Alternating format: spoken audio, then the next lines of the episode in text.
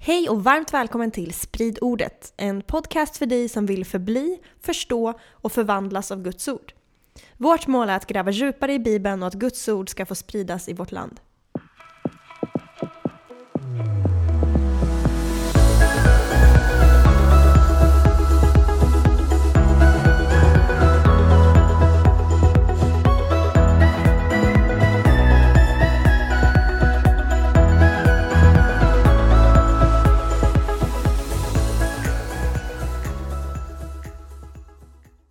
Välkommen till vår serie Greppa GT med Petrus och Jenny Jurell i podcasten Sprid ordet. Kul att ni lyssnar än en gång. Ja. Förra gången så pratade vi om Gamla Testamentet, skräll. Vi pratade bland annat om hur stories som är i början av Moseböckerna liksom återupprepar sig kan man nästan säga. att Det blir som skuggbilder eller mönster som återkommer i berättelser i Bibeln. Och eh, även eh, eller det vi pratade mest om var väl berättelsen om Adam, första människan på jorden, och hur det sen återupprepar sig i hela berättelsen om Israels folk. Ja. Exakt. Och så kollade vi även på hur Moseböckerna ska ses som en enhet. Hur första, andra, tredje, fjärde, femte Mosebok, som judarna kallar Torah, eller Pentatuken, bör vi se kanske som en enhet. Och då när vi kollade på inledningen så såg vi att inledningen börjar inte särskilt uppmuntrande utan budskapet är i, i en princip fullkomlig miljö så bryter man mot det enda bud man inte får bryta mot och det slutar i att man går ut i exil, man skickas ut ur sitt land och dör österut. Och, det är ju det som blir Israels berättelse. Så vi kom ju fram till då, från det avsnittet, att det är troligtvis inte ett peptalk på att Nej. hålla lagen utan det var en profetia om att det kommer misslyckas hålla lagen. Och så inleds Torah. Hur avslutas Torah då? Ja, det ska vi prata om idag. Ja, Och vi ska även prata om eh, lagen, hur förändrar det människor? Eh, hur beter man sig innan och efter man har fått lagen? Och eh, sen ska vi också prata om anden. För eh, helig ande. heliga ande är ganska väsentlig när vi pratar om lagen. Japp, och det är det som kommer chockera många att de fem Moseböckerna lär oss att anden är det vi behöver. Ja. Snyggt! Så let's go! Let's go! Jag tänker vi ska börja i slutet nu då. Mm. Eh, och det vi ska ta vid vid är att eh, femte Mosebok kallas ju andra lagen, Deuteronomy, betyder andra lagen egentligen på grekiska. på. Och det är för att det är en upprepning av lagen ju. Eh, och det är egentligen tre predikningar av Moses, brukar vissa säga att femte Mosebok är. Och så kommer det till slutet, sista delen av femte Mosebok, börjar i kapitel 29. Och så eh, går man mot landning där och det är 34 kapitel i boken. Och vi ska hoppa in i kapitel 31.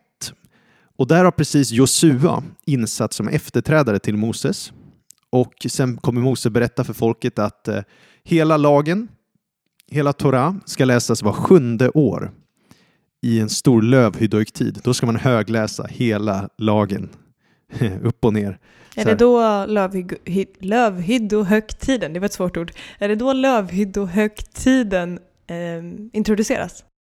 Nej, den introduceras i tredje Mosebok eh, som ett minne av att de byggde hyddor i öknen. Men eh, han använder den som en minneshögtid för att då var sjunde år ska de högläsa lagen. Ja, men lite så som eh, det är med andra högtider också i Bibeln. Att på påsk till exempel så gick eh, folket ut ur Egypten och sen blev... Och, och så ska man läsa ur skriften. Alltså, Ja, de är sen- läsarfolk. Ja, precis. Ja, och ja, du menar att de... Att, det återupprep- att det att man använder ja. samma högtid menar jag. Ja, Till sen när det är då Jesus dör på påsken. Ja. Och så vidare.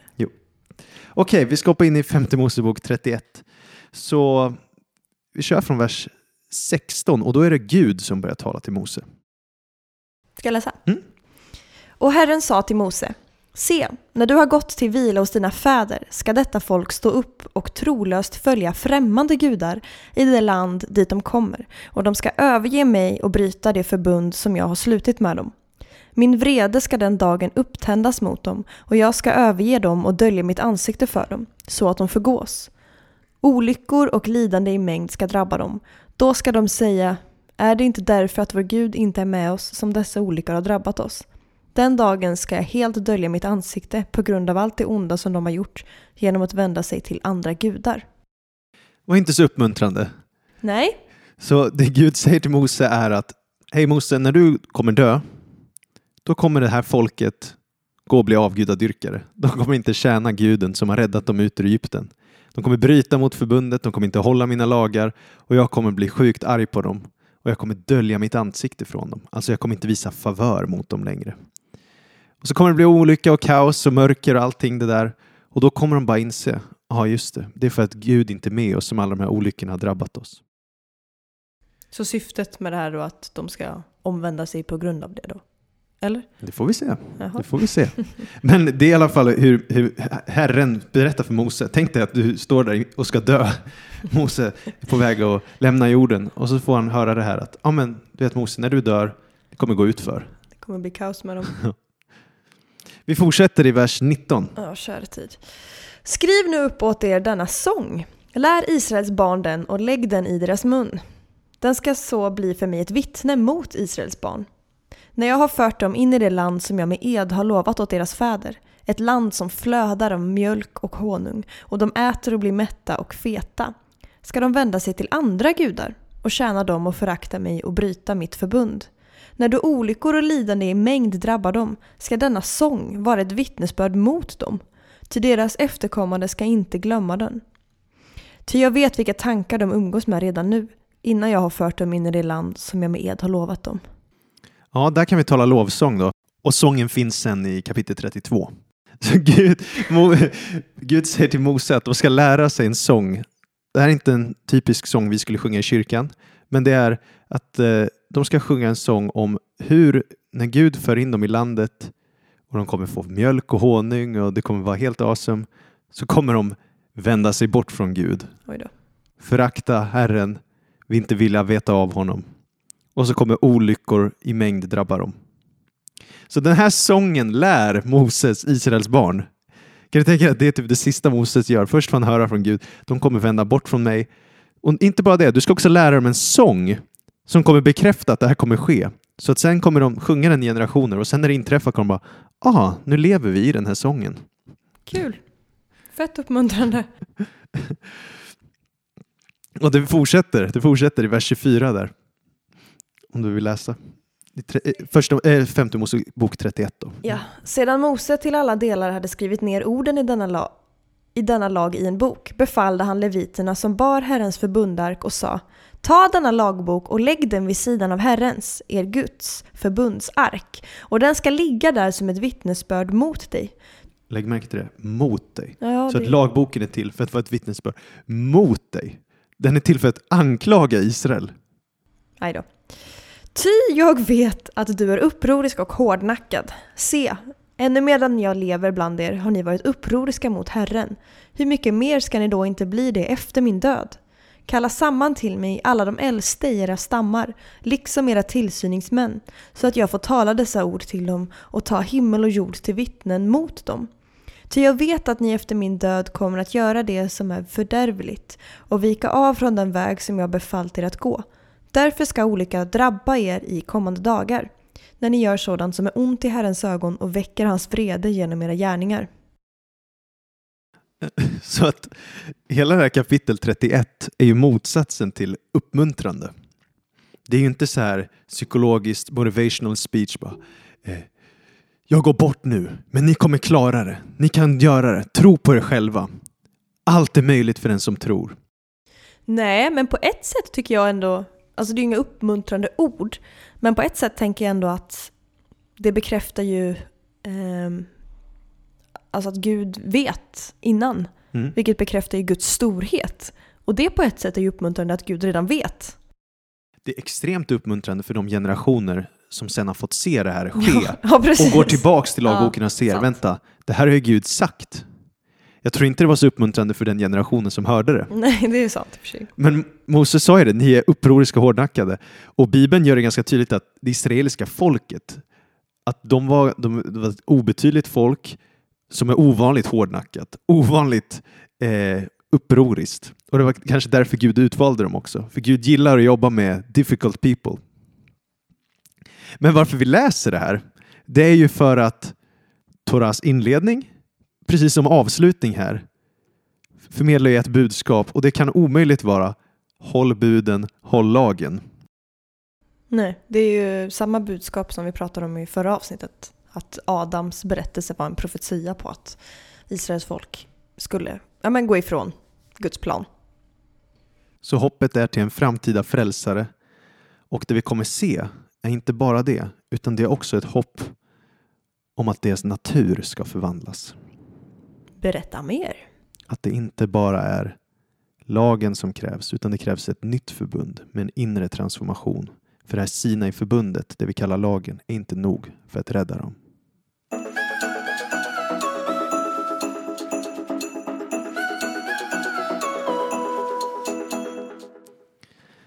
Okej, nu ska vi kolla på ökenvandringarna i Torah. För Torah har ju, det är, Andra Mosebok inleds ju med hur de är slavar i Egypten och sen leds de ut där eh, genom att de eh, räddas genom Lammets blod och sen så tar Mose ut dem efter tio plågor och de kommer ut på andra sidan Röda havet och så vandrar de i öknen. Precis. Och sen vad händer efter ökenvandringarna? Då är det laggivandet. Mose kommer ner med, ta- eh, med stentavlorna och de får lagen och allting. Och sen efter det i fjärde Mosebok så är det ännu mer ökenvandring efter Sinaiberg. Och det jag tänkte vi ska göra nu är att vi ska kolla på när de vandrade i öknen innan de fick lagen och sen ska vi kolla på när de vandrade i öknen efter de fick lagen. Ja. Så det första jag vill belysa här är att ökenvandringarna är superlika. Alltså de är väldigt, väldigt, väldigt lika. Sand.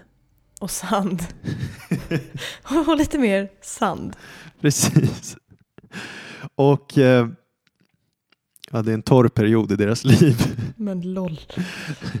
Okej, eh, så att i andra Mosebok har vi vandringarna innan och fjärde Mosebok har vi vandringarna efter. I båda så klagar Israel på Gud efter att de gjort en tre dagars färd Mhm. och sen fortsätter de whina under hela resan. I båda ökenvandringarna så längtar Israel efter mat från Egypten. De bara åh, vi saknar purjolöken i Egypten och vi vill ha all- allt det där goda vi inte får här i öknen. Eh, I båda ökenvandringsberättelserna, både i andra Mosebok och fjärde Mosebok, så förser Gud dem med manna från himlen och med vaktlar. I båda storiesen så bryter de mot sabbaten. I båda berättelserna i öknen innan Sinai och efter Sinai så bråkar Israel med Mose och ifrågasätter honom varför han tog dem ut ur Egypten. I båda berättelserna klagar, Gud, eh, klagar Israel menar jag och Gud förser vatten från en klippa. Mm. I båda berättelserna kommer Israel strida mot amalekiterna. Och i båda så kommer Israel bli så jobbiga för Mose att han måste sätta en ledare för att hjälpa honom. Det är så jobbigt folk. De klagar så mycket. Så det är som att det är två sekvenser. Att det, men det upprepas i princip samma saker fast lite annorlunda. Så som vi pratade om sist. Precis, för precis på samma sätt som vi pratade om att eh, typ eh, Moses är till för att kontrastera med Noa. Mm. Eller som Adam och Israel ska kontrasteras och jämföras så vi ska se likheter och skillnader så vi kan dra lärdomar. På samma sätt är de här berättelserna designade för att vi ska se, okej, de är extremt lika, men vad är det som skiljer dem åt? Jag funderar också på om det är mycket så här återupprepande mönster just för att eh, på den tiden var det väl mer en, en talkultur. ehm, kultur. alltså man berättade berättelser. Och det fäste sig ju mer i minnet om det liknande storylines. Vad tror du om det? Det är sånt jag har Ja. funderat på sen senaste avsnittet. Ja, absolut. Absolut, varför inte? Så, skillnaderna då? Det är jätteintressant att kolla på det här, för det är nu vi kommer förstå Mm. vad Paulus får hela sin teologi från i Nya Testamentet och vad egentligen Moseböckerna lär för någonting. You're in for a treat. Yes! Så att i Andra Mosebok, alltså vandringarna innan lagen, Mm. så besegrar Israel amalekiterna. Men efter de fått lagen, då får de spö av amalekiterna. Oj. Innan lagen så klagar Mose på sin börda, men då hjälper hans svärfar Jetro honom. Det var snällt. Efter lagen får Mose exakt samma problem, men då ber han Gud att döda honom istället. Okej. Och på väg till Sinai berg, innan givandet av lagen, så dör inte en enda person i Israel när de syndar mot Gud eller Mose. Men efter lagen dör tusentals personer när de syndar. Fast de gjorde exakt samma brott som innan lagen. Så till exempel när de bröt mot sabbaten Mm. så gick det ostraffat i Andra Mosebok 16. Medan efter lagen, när de bryter mot sabbaten, så dödas sabbatsbrytare.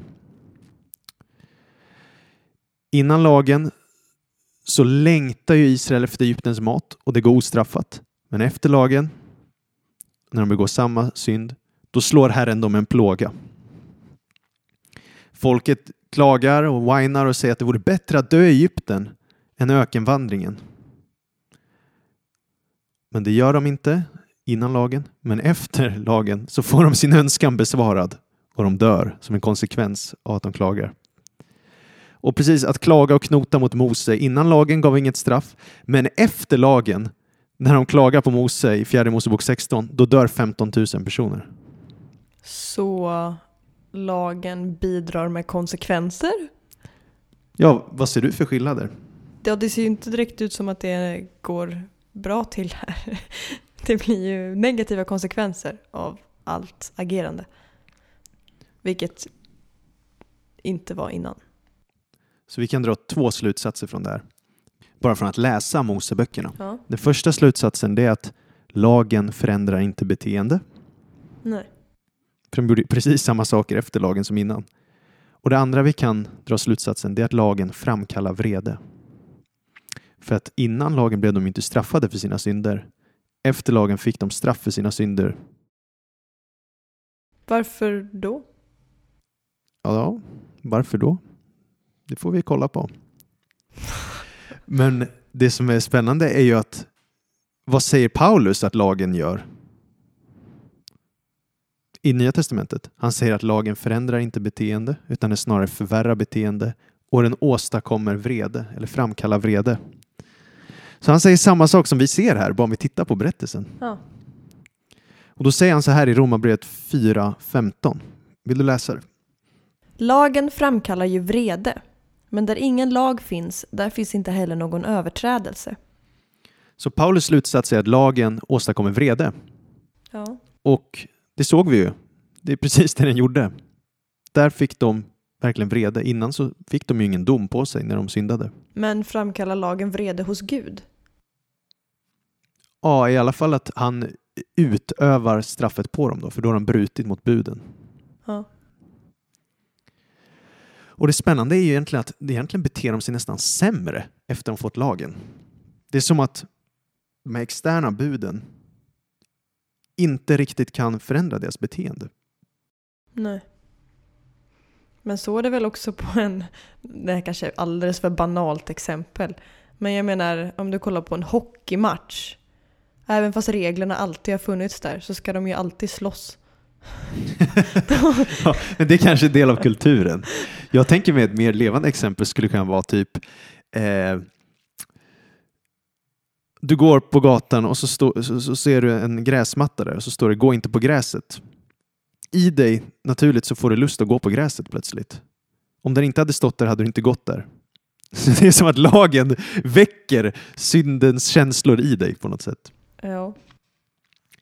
Och Paulus säger så här i första Korinthierbrevet 15, 56 att dödens udde är synden och syndens makt kommer av lagen. Så att synden får sin makt av lagen. Och vi ska utforska det ännu mer. Eh, och i Romarbrevet 5.20 så står det att lagen kom in för att fallet skulle bli så mycket större. Men där synden blev större, där överflödade nåden ännu mer. Så det är som att lagen kom in och förvärrade tillståndet. De började synda ännu mer när de fick lagen. Men egentligen det första de gör när de får budorden, det är en ganska klassisk scen. Mose kommer ner med de två eh, stentavlorna med tio budorden. Och vad hände då? Då tillber de något annat. Då tillber de en guldkalv som assisterande pastor Aron har lett dem in i. Jag säger det skämtsamt, ja han var ju inte pastor. Men... Men eh, det står ju, då tänker jag ju först så här, men var, varför då? Eller så här, varför skulle vi då ha lagen? Men då stod det ju här att, men där synden blev större, där överflödade nåden ännu mer. Är lagens syfte då att nåden ska få ännu större plats och att Guds kärlek ska få spridas ännu mer? Är det typ kopplat till den fria viljan då eller? Det är ju ett av syftena. Ja. Alltså det finns jättemånga syften. Vi hinner inte gå igenom alla syften med lagen i den här podden. I det här avsnittet i alla fall. Det är ett av syftena. Men det andra syftet som är, vi kan kolla på, det är ju att det är till för att anklaga oss. Lagen är till för att ge oss insikt om att vi är syndare. Den är till för att hjälpa oss förstå vår hopplösa natur. Och att vi behöver Jesus. Exakt. Så det står så här i Romarbrevet 3, 19-20.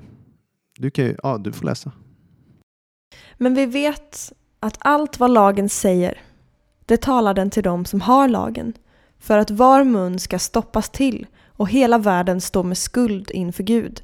Ty ingen människa förklaras rättfärdig inför honom genom laggärningar. Genom lagen ges insikt om synd. Aha.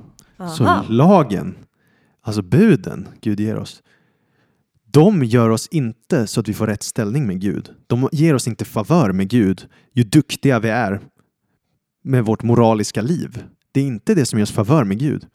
Utan lagen är snarare som en spegel. Den visar oss vårt tillstånd. Men den kan inte tvätta vårt ansikte.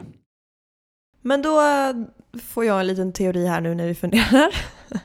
Eh, För då tänkte jag ju först här då, men varför behövde man lagen då? Vad i hela friden, om det gör det värre, vad ska det då vara bra till? Mm. Men då funderar jag på, så här, ja men vad då? Fanns det synd innan lagen?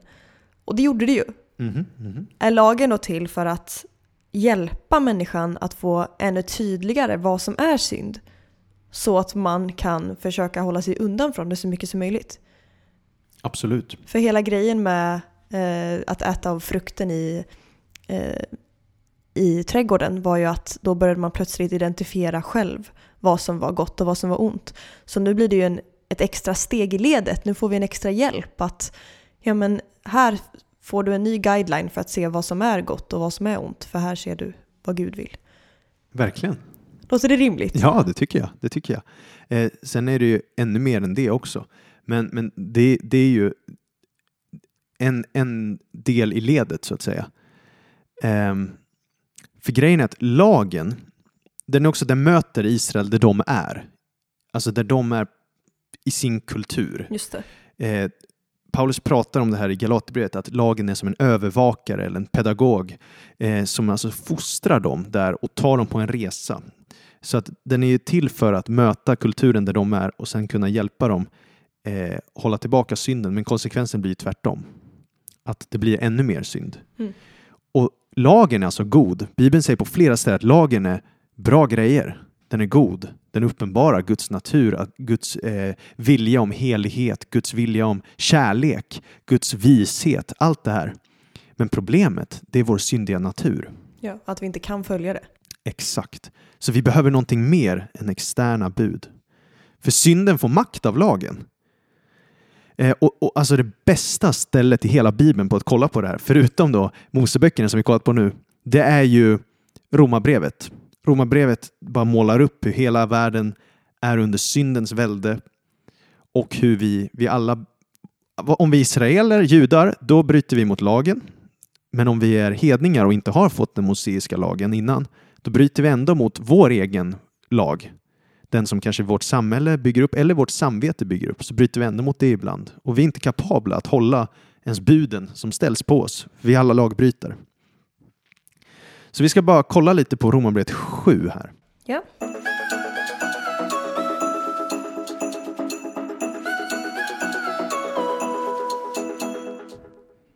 Romarbrevet 7, vers 5. Ty så länge vi behärskades av vår onda natur var det, var det syndiga begär som väcktes till liv genom lagen verksamma i våra lemmar, så att vi bar frukt åt döden. Så att säga, begären väcktes till liv av lagen.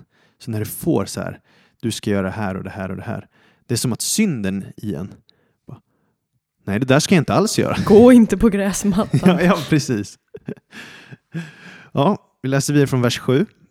Vad ska vi då säga? Att lagen är synd? Nej, visst inte. Men det var först genom lagen jag lärde känna synden. Jag hade inte vetat vad begäret var om inte lagen hade sagt du ska inte ha begär. Men synden grep tillfället och väckte genom budordet alla slags begär i mig. Ty utan lagen är synden död. Precis, för synd är ju just att bryta mot lagen. Precis.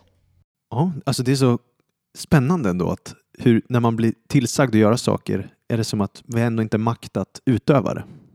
Och det hjälper lagen oss att förstå. Mm. Vi fortsätter från vers 9. Förr levde jag utan lagen, men när budordet kom fick synden liv och jag dog. Då visade det sig att budordet som skulle föra till liv blev till död. Så du ser, lagen skulle egentligen föra till liv. Men det blev vår död på grund av synden. Ja. Ty synden grep tillfället och bedrog mig genom budordet och dödade mig genom det. Alltså är lagen helig och budordet heligt, rätt och gott. Har då det som är gott blivit min död? Nej, visst inte. Men synden har blivit det. För att den skulle framstå som synd. Genom det som är gott åstadkom den min död. Så skulle synden genom budordet framstå som i högsta grad syndig. Ja, så lagen är det inte något fel på. Det är oss det är fel på. Dåliga nyheter. Människan. Ja, vi, vi fortsätter i Romarbrevet 7, vers 14. och framåt. Vi vet att lagen är andlig, men själv är jag kötslig, såld till slav under synden. Ty jag kan inte fatta att jag handlar som jag gör. Det jag vill, det gör jag inte, men det jag hatar, det gör jag. Om jag nu gör det jag inte vill samtycker jag till lagen och säger att den är god. Men då är det inte längre jag som gör det, utan synden som bor i mig. Ty jag vet att i mig, det vill säga i mitt kött, bor inte något gott. Viljan finns hos mig, men att göra det goda förmår jag inte. Ja, det goda som jag vill göra, nej, det goda som jag vill gör jag inte, men det onda som jag inte vill, det gör jag. Men om jag gör det jag inte vill, då är det inte längre jag som gör det, utan synden som bor i mig. Jag finner alltså den lagen. Jag vill göra det goda, men det onda finns hos mig. Till min inre människa glädjer jag mig över Guds lag. Men i mina lemmar ser jag en annan lag som ligger i strid med lagen i mitt sinne och som gör mig till fånge under syndens lag i mina lemmar. Jag arma människa, vem ska frälsa mig från denna dödens kropp? Ja, vem ska frälsa oss? Vilket hopplöst scenario. Alltså, lagen inte nog. Vad jag än vill så klarar jag inte av att göra det jag vill. Externa bud hjälper inte. Så vem ska frälsa mig? Vem eller vad ska vi sätta vårt hopp till? Ja, det är ju inte lagen. Nej, utan låt oss kolla vad Moseböckerna föreslår att vi ska sätta vårt hopp till.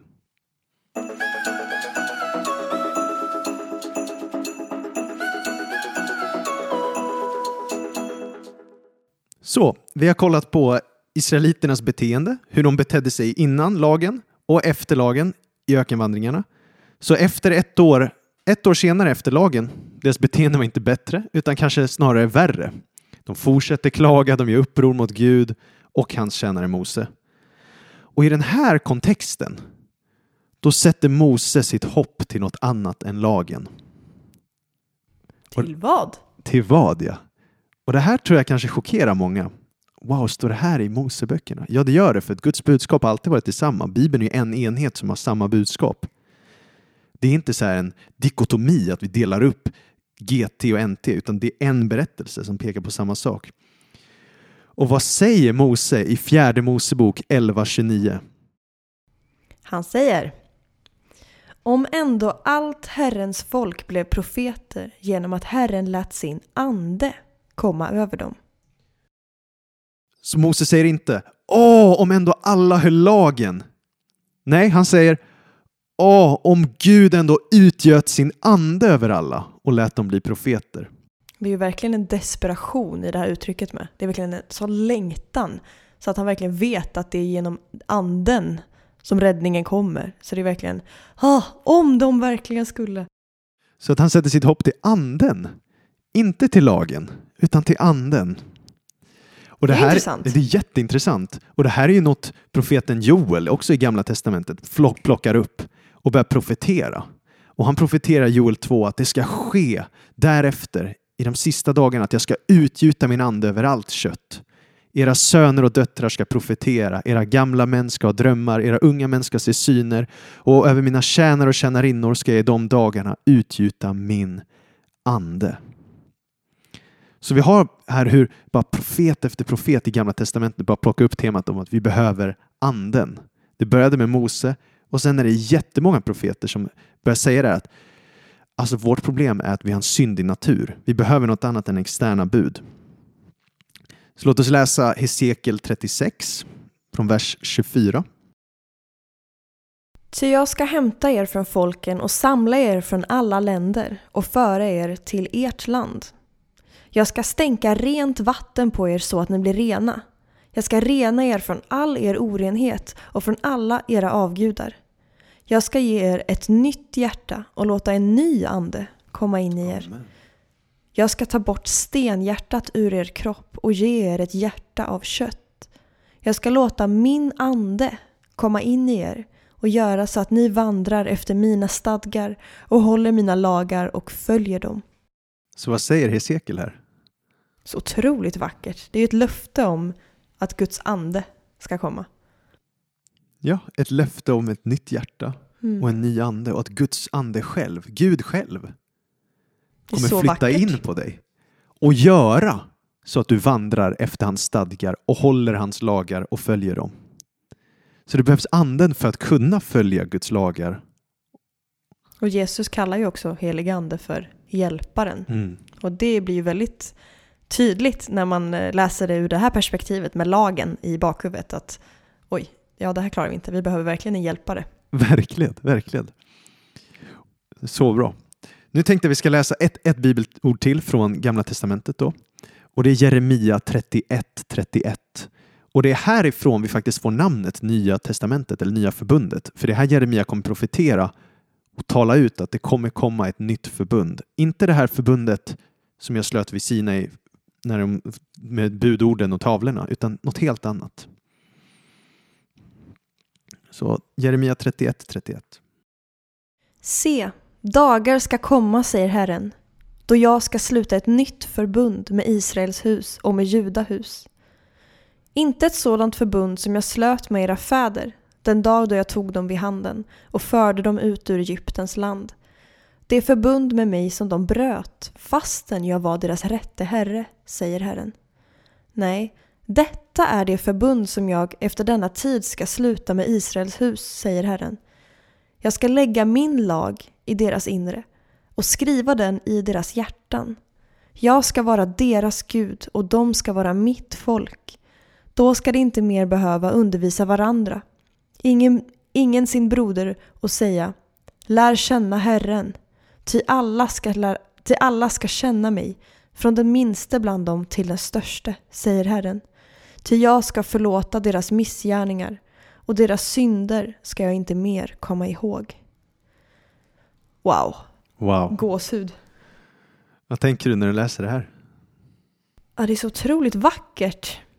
Det är så hoppfullt, Mm. tänker jag på. För det andra förbundet lät så hopplöst. Just det. Och det här känns som att det finns hopp. Och vad kommer det här nya förbundet innebära? Jesus. Ja, Jesus kom ju med det nya förbundet. Men vad läste vi där i vers 33? I vers 33. Eh, jag ska lägga min lag i deras inre och skriva den i deras hjärtan.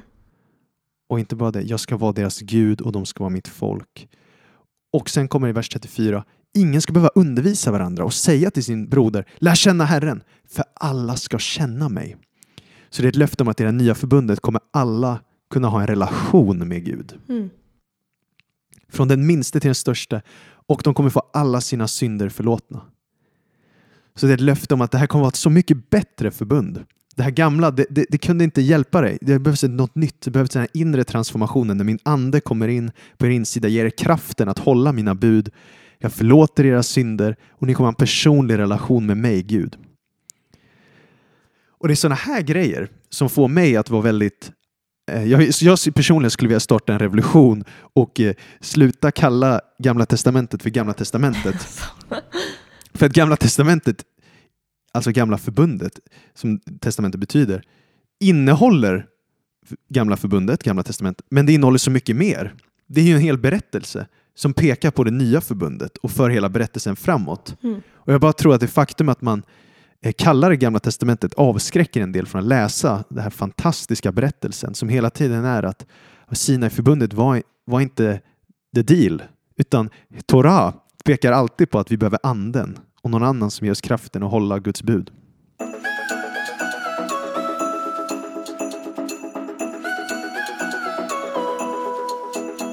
Om vi bara ho- hoppar då till Nya Testamentet, för de här profeterna alla profeterade ju om det här.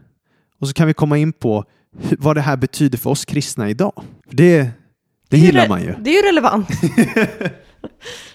Smart. Så det var faktiskt en vers i Romarbrevet 7 vi inte läste. Och det var vers 6. Vad står det i Romarbrevet 7, vers 6? Men nu är vi lösta från lagen eftersom vi har dött bort från det som höll oss fångna. Så står vi i andens nya tjänst och inte i bokstavens gamla tjänst. Vi är lösta från lagen. Och vi har fått en ny tjänst, anden. Anden och lagen står i- motsats till varandra på ett sätt.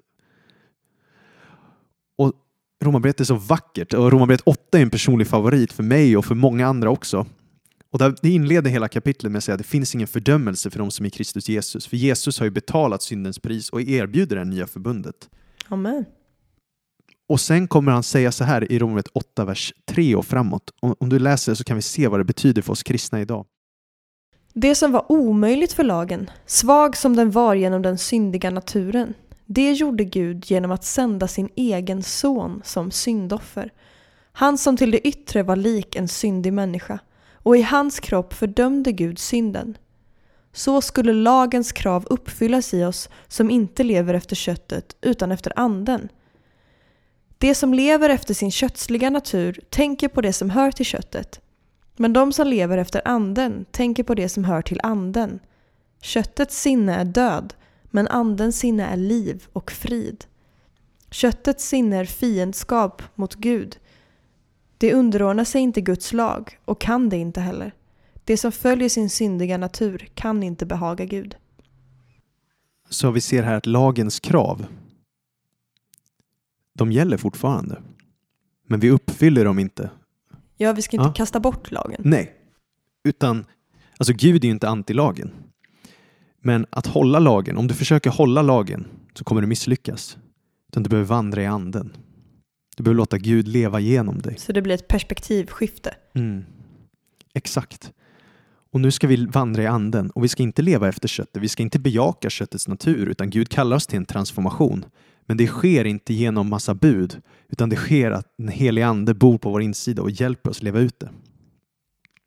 Och vi har skyldigheter och det står det i Romarbrevet 8, eh, vers 12 där att vi har skyldigheter men inte mot vår onda natur så att vi ska leva efter köttet. För om vi lever efter köttet kommer vi att dö. Men om vi genom anden dödar kroppens gärningar ska vi leva. Och lägg märke till vad han sa där. Om ni genom anden dödar kroppens gärningar eller köttets gärningar ska ni leva. Så inte i egen kraft. Exakt. Så det här innebär ju inte att dina syndiga, syndiga begär försvinner när du blir frälst. Nej. Snarare tvärtom, för han säger att du, men du får makten att övervinna dem. Och det är den stora skillnaden i andens förbund. Att genom anden kan vi nu döda köttets gärningar. Jag är inte slav till synden längre. Nej. Jag är en fri människa. Det som lagen aldrig kunde göra någon av oss fria från, det kan anden nu i Jesu Kristi namn övervinna. Starkt. Jättestarkt. Så jag bara känner för att gå på en preacher rant här. Alltså, men eh, jag vet inte, du får fylla i här. Alltså. Men jag, jag menar bara, lagen den kan inte frikänna. Den kan bara fördöma. Mm. Lagen kan inte frälsa, den kan bara förebrå. Lagen kan inte förvandla. Den kan bara förbanna. Och lagen kan inte övervinna synden. Utan vi behöver anden. Det var därför Mose ropade ut, jag behöver anden. Jag behöver att Guds ande flyttar in på insidan och ger oss kraften att övervinna våra syndiga begär. Och jag tror det här är så viktigt i vår tid. Och du får fylla i här bara, men för att mycket nu i vår modern tid, många tror att kristendomen handlar om bara massa bud och regler och sånt. Mm. Att det är religiösa påbud. Men det har aldrig handlat om det. Det handlar om att Guds ande behöver flytta in på din insida, helig ande. Och han gör dig helig och han ger dig kraften att hålla buden. Och sen i en tid där vi bara pumpas i att människor beter sig bara som de gör på grund av sociala konstruktioner. Att allting är bara din uppväxt, allting är vad du har blivit matad och folk behöver bara bli lärda bättre och att det är bara undervisning och all, läror som kommer göra att människor kan leva så som de blir kallade till.